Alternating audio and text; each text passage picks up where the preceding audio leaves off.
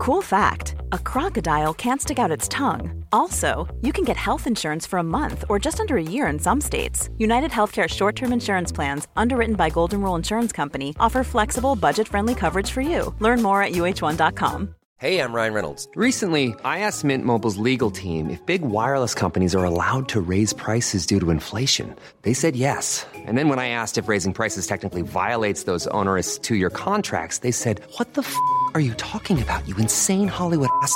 So to recap, we're cutting the price of Mint Unlimited from $30 a month to just $15 a month. Give it a try at mintmobile.com slash switch. $45 upfront for three months plus taxes and fees. Promo for new customers for limited time. Unlimited more than 40 gigabytes per month. Slows. Full terms at mintmobile.com. This is Paige, the co-host of Giggly Squad, and I want to tell you about a company that I've been loving, Olive and June. Olive and June gives you everything that you need for a salon quality manicure in one box. And if you break it down, it really comes out to $2 a manicure, which is absolutely insane. It's also so easy to get salon worthy nails at home with Olive and June. The difference between how your nails used to look when you did them yourself and now with the Manny system is a complete game changer. The best thing about Olive and June too is it's a quick dry. Dries in about one minute, lasts for five days, and full coverage in up to one to two coats. Visit oliveandjune.com slash perfectmanny20 for 20% off your first system. That's oliveandjune.com slash perfectmanny20 for 20% off your first system. Vid första anblick skulle man kunna tro att Stacey Caster var en kvinna som hade drabbats av extrem otur och att hon på något vis drog till sig tragedier. Inom loppet av ungefär åtta år så dog två av hennes makar och en av hennes döttrar var nära på att dö till följd av ett självmordsförsök. Men Stacy kämpade på, som den starka, ensamstående och dedikerade mamman som hon var. Eller det här var i alla fall bilden som hon själv försökte måla upp. Men tids nog skulle den bittra sanningen komma upp till ytan. Stacey Caster drabbades inte av tragedier. Hon skapade dem, helt på egen hand och utan någon som helst ånger.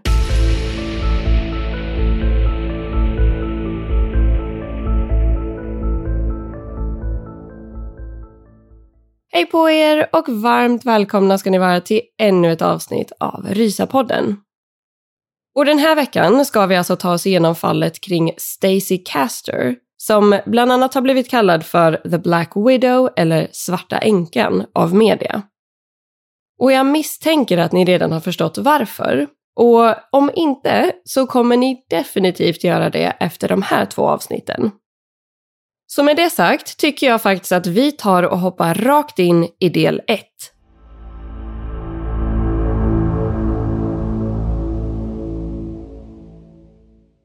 Stacy Ruth Caster föddes den 24 juli 1967 i staden Clay som ligger i delstaten New York. Hennes föräldrar var Jerry Daniels och Judy Eaton och på den här tiden hette Stacy därför Daniels i efternamn. Trots att det här är ett väldigt känt och omtalat fall så finns det faktiskt inte särskilt mycket information alls om Stacys barndom och uppväxt. Men det man vet är bland annat att Stacy träffade den mannen som hon, i alla fall då, trodde var sitt livs kärlek redan vid 17 års ålder. Det här var en man som hette Michael Wallace och som var ett par år äldre än Stacy. De blev galet förälskade i varandra på en gång och Stacy har uttalat sig om att hon visste att hon skulle gifta sig med Michael bara några minuter efter att hon träffade honom för allra första gången. Utöver att paret gifte sig så fick de också två barn tillsammans. Deras första dotter, Ashley, föddes år 1988. Stacy ska ha uttalat sig om att hennes liv verkligen förändrades totalt efter att Ashley föddes och att hon från den stunden kände att hennes syfte i livet nu var att ta hand om sin dotter. Paret fick sedan en andra dotter som föddes år 1991 och fick namnet Bree. Under barnens uppväxt så ska det ha funnits lite av en uppdelning mellan barnen och föräldrarna. För det ska tydligen ha varit så att Stacy hade en närmre relation med Ashley medan lilla syster Bree ska ha haft en närmre relation med pappa Michael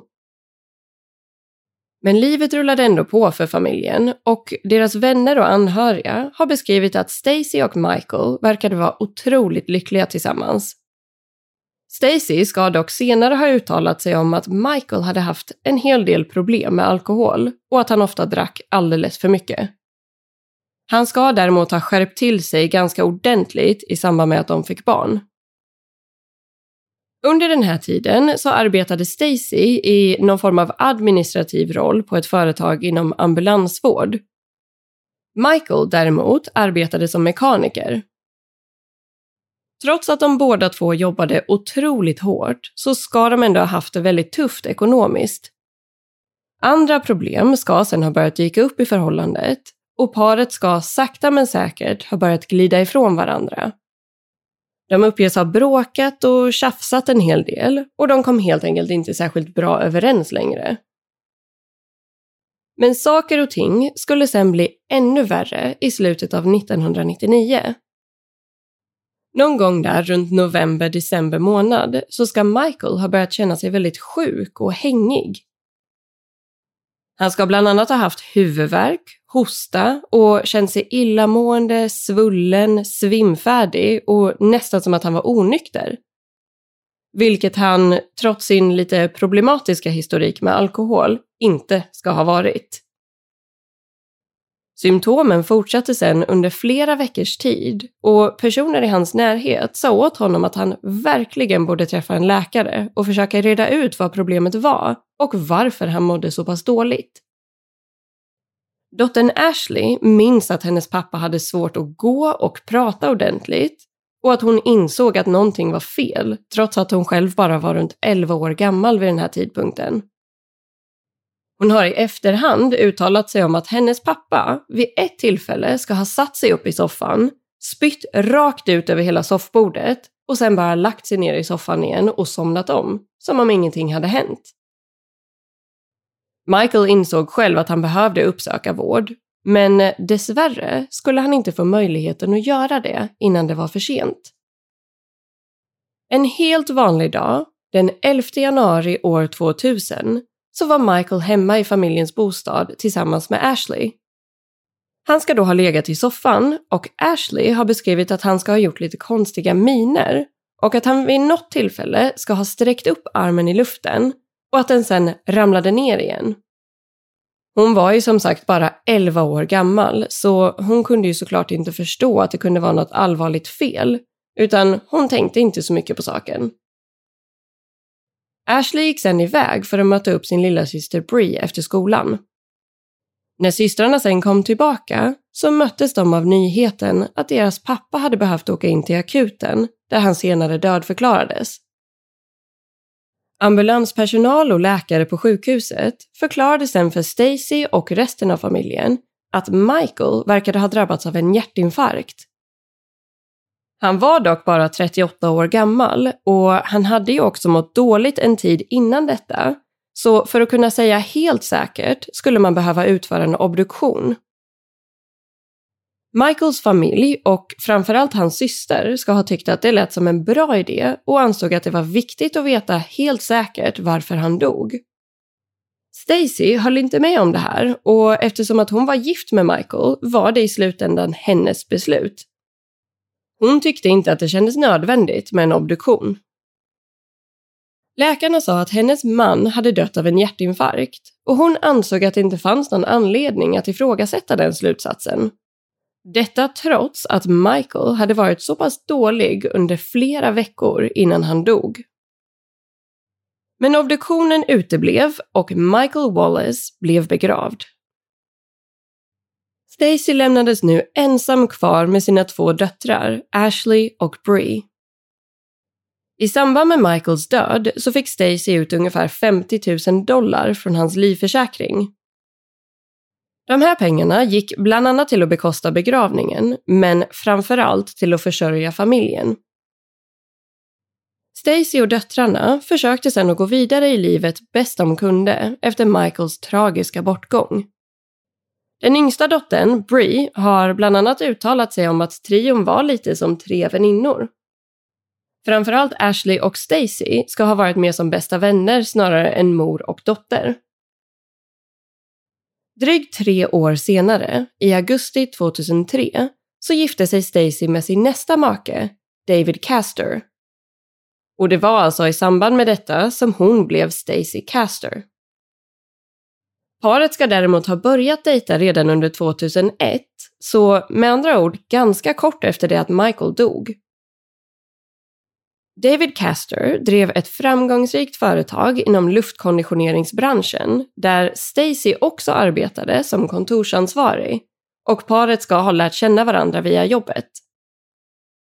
David har beskrivits som väldigt driven och att han jobbade hårt och mycket. Utöver det hade han också ett stort intresse för olika typer av fordon. Allt från bilar, båtar, fyrhjulingar och snöskotrar. Ett intresse som han också delade med sin vuxna son från sitt tidigare äktenskap, David Jr. Även Stacy hade ju såklart sina egna döttrar från äktenskapet med Michael och de var ju fortfarande tonåringar vid den här tidpunkten. I samband med giftermålet blev det därför så att Stacy, Ashley och Bree flyttade in hos David Castor och så bodde de tillsammans alla fyra i hans hus som låg i Liverpool, New York. David ska ha haft en väldigt nära relation till sin egen son. Han ska däremot inte ha varit särskilt intresserad av att ha fler barn i sitt liv och enligt vissa källor så ska han till och med ha sagt någonting i den stilen till Ashley och Bree. Stacy själv har också uttalat sig om att David kunde vara ganska tuff och strikt gentemot hennes döttrar. Han förväntade sig att de skulle göra exakt allt han bad om så fort han bad om det. Något som oftast kan vara lite svårt överlag med just tonåringar. Som man kan förstå så ska systrarna därför inte haft mycket till övers för sin nya styvpappa och kanske inte varit superglada över den här nya familjekonstellationen.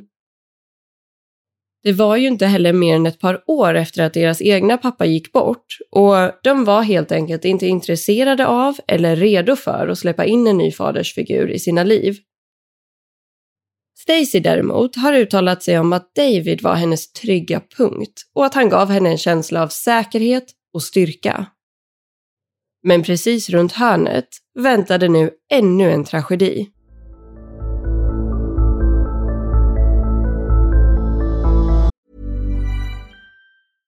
Ryan Reynolds här från Mint Med priset på nästan allt som går upp under inflationen, trodde vi att vi skulle bring våra priser down. So to help us, we brought in a reverse auctioneer, which is apparently a thing. Mint Mobile unlimited premium wireless. Ready to get 30, 30, bit to get 30, bit to get 20, 20, 20, bit to get 20, 20, bit to get 15, 15, 15, 15 just 15 bucks a month. So, Give it a try at mintmobile.com/switch. slash $45 up front for three months plus taxes and fees. Promo rate for new customers for limited time. Unlimited more than 40 gigabytes per month. Slows. Full terms at mintmobile.com. If you thought the only way to get a more defined jawline with natural looking results was through surgery, think again. Juvederm Volux XC is a non surgical injectable gel filler that improves moderate to severe loss of jawline definition and can help you achieve natural looking results with little downtime. Even better, this improved definition lasts up to one year with optimal treatment. No maintenance required. Improve jawline definition for a smooth, sculpted look with Juvederm Volux XC. For important safety information and to find a licensed specialist, visit juvederm.com. That's J U V E D E R M.com. Not for people with severe allergic reactions, allergies to lidocaine, or the proteins used in Juvederm. Common side effects include injection site redness, swelling, pain, tenderness, firmness, lumps, bumps, bruising, discoloration, or itching. There's a risk of unintentional injection into a blood vessel, which can cause vision abnormalities, blindness, stroke, temporary scabs, or scarring. Talk to a licensed specialist to find out if it's right for you. A lot can happen in three years, like a chatbot may be your new best friend. But what won't change? Needing health insurance. United Healthcare Tri Term Medical Plans, underwritten by Golden Rule Insurance Company, offer flexible, budget friendly coverage that lasts nearly three years in some states. Learn more at uh1.com.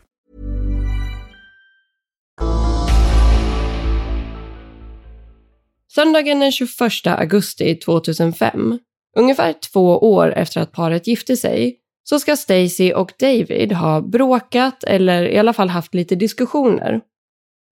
Enligt vissa källor så ska det här ha handlat om den något ansträngda relationen mellan David och hennes döttrar. I slutändan ska David ha blivit väldigt upprörd och därför låst in sig själv i parets sovrum för att få vara i fred. Enligt Stacy ska han också ha tagit med sig en flaska med whiskylikör in i sovrummet. David stannade sen kvar där inne och Stacy lät honom vara i fred. Sen kom måndagen den 22 augusti och Stacy begav sig iväg till jobbet som vanligt. David jobbade ju inom samma företag så hon märkte ganska snabbt att han inte hade dykt upp. Hon började då bli lite orolig och ska sen ha ringt till David, men han svarade inte. Stacy begav sig därför hem igen och valde till slut att larma polisen. Hon förklarade att hon nu var riktigt orolig för sin make, att han hade låst in sig själv i sovrummet under gårdagen och att hon inte hade lyckats få någon kontakt med honom på jättelänge. När hjälpen väl anlände så ska Stacy ha varit hysterisk. Polisen valde därför att sparka in dörren till sovrummet och möttes då av en fruktansvärd syn. David var naken och låg på mage i sängen, täckt av sina egna spyor. Det fanns dessvärre ingenting som kunde göras vid den här tidpunkten. David var död och Stacy hade nu förlorat två av sina älskade makar inom loppet av bara några år. Vid en första anblick såg det ut som att det här var en fylla som hade gått riktigt snett. Eller att David hade begått självmord. Stacy var ganska snabb med att förklara för både polisen och ambulanspersonalen att hennes man hade mått ganska dåligt under en längre period innan det här. Han ska bland annat ha drabbats av en huvudskada i samband med en olycka när han körde fyrhjuling, vilket ska ha påverkat honom på flera olika plan i livet. Utöver det hade hans pappa nyligen gått bort och Stacy sa att David, förståeligt nog, hade varit väldigt ledsen efter det. I samband med att han hittades död inne i sovrummet så noterade polisen att det bland annat stod två stycken dricksglas på sängbordet. Ett av dem var tomt och det andra var halvfullt med någon form av grön vätska. Precis intill fanns också en tom flaska tranbärsjuice. Under sängen hittades en stor blå plastbehållare med så kallad antifreeze och locket ska dessutom ha varit av. Och antifreeze är alltså en typ av frostskyddsvätska som kan användas för till exempel bilar och båtar. Med tanke på att David hade ett stort intresse för olika typer av fordon så var det ju därför inte så jättekonstigt att de hade den här typen av kemikalier i sitt hem. Däremot var det ju inte särskilt normalt att förvara en sån behållare under sängen med locket av. Det visade sig också att den gröna vätskan i ena glaset på nattduksbordet var just antifreeze. Polisens första teori kring dödsfallet blev därför att David måste ha varit deprimerad och slutligen tagit sitt liv genom att dricka den här giftiga och livsfarliga vätskan. Det fanns ju trots allt information om att David hade mått psykiskt dåligt innan den här dagen. Information som hans fru Stacy hade varit väldigt mån om att dela med sig av. Men David var bara 48 år gammal och givetvis blev det här ännu en sorg för Stacy och hennes döttrar att ta sig igenom. Trots att Ashley och Brie kanske inte hade världens bästa relation med sin styvpappa så ska det här såklart ha varit väldigt tungt för dem att gå igenom och de ska framförallt ha tyckt otroligt synd om sin mamma. För nu hade som sagt Stacy förlorat två makar i relativt ung ålder och döttrarna hade nu förlorat sin riktiga pappa och sin styvpappa. Trots att polisen inte hade några direkta misstankar om brott så undersökte de ändå familjens bostad. De upptäckte då ett lite udda fynd inne i köket. Inuti soptunnan hittades nämligen en stekpipett som ofta brukar kallas för en turkey baster. Och det här är ju en sån där typ av pipett som man kan använda för att hälla på mm, ja, men till exempel marinad eller steksky på exempelvis då en kalkon för att köttet ska hålla sig saftigt under tillagning. Det fanns ingen marinad på just den här pipetten, men däremot upptäcktes flera stycken små, små gröna droppar. Det visade sig senare att det här också var antifreeze. Polisen skickade in pipetten och samtliga glas och flaskor som hittades i sovrummet för analys och fick då tillbaka några intressanta uppgifter. Längst ut på själva spetsen av pipetten fanns nämligen David Casters DNA. Och om David nu hade försökt ta sitt eget liv genom att dricka den här vätskan, varför skulle han då behövt använda en pipett? Varför inte bara dricka ur glaset eller till och med själva behållaren som låg under sängen?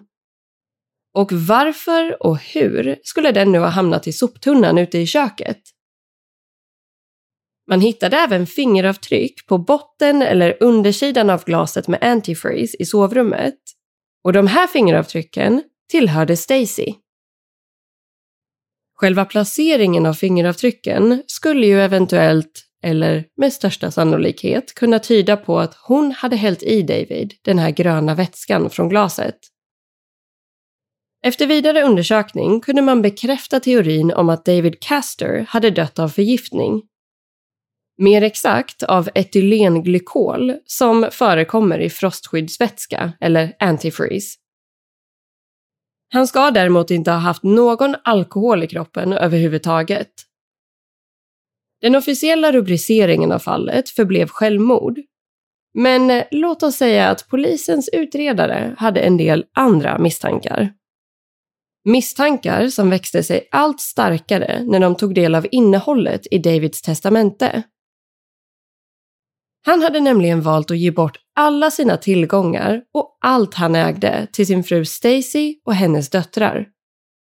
Han hade inte lämnat ett enda öre eller en enda ägodel till sin egen son David Jr, som han ändå ska ha haft en relativt nära relation med. En annan sak som inte såg särskilt bra ut för Stacy var faktumet att hennes tidigare make, Michael Wallace, också hade dött under något suspekta omständigheter i familjens egen bostad. Hon ska också ha förklarat för polisen att Michael alltid hade haft massa medicinska problem. Utredare valde därför att begära ut hans medicinska journaler och hittade då ingenting som stämde överens med det som Stacy hade sagt. Det fanns ju flera vittnesmål om att Michael hade mått dåligt under en period innan han dog och polisen började nu misstänka att hans död kanske inte alls berodde på den antagna hjärtinfarkten. De började istället känna sig mer och mer säkra på att Stacy Caster hade förgiftat både Michael och David med hjälp av antifreeze. Men allt det här behövde ju såklart bevisas och utredningen tickade sen på i ungefär två års tid. Den 5 september 2007, ungefär två år efter Davids död, så fattade polisen ett väldigt kontroversiellt beslut. De skulle nu gräva upp Michaels grav för att kunna utföra den obduktionen som tidigare hade uteblivit. Resultatet som kom tillbaka bekräftade då polisens misstankar. Michael Wallace hade också blivit förgiftad av etylenglykol, precis på samma sätt som David. Och vem som låg bakom morden rådde det ingen större tvekan om. Två dagar senare, den 7 september, så plockades Stacy Caster in på förhör.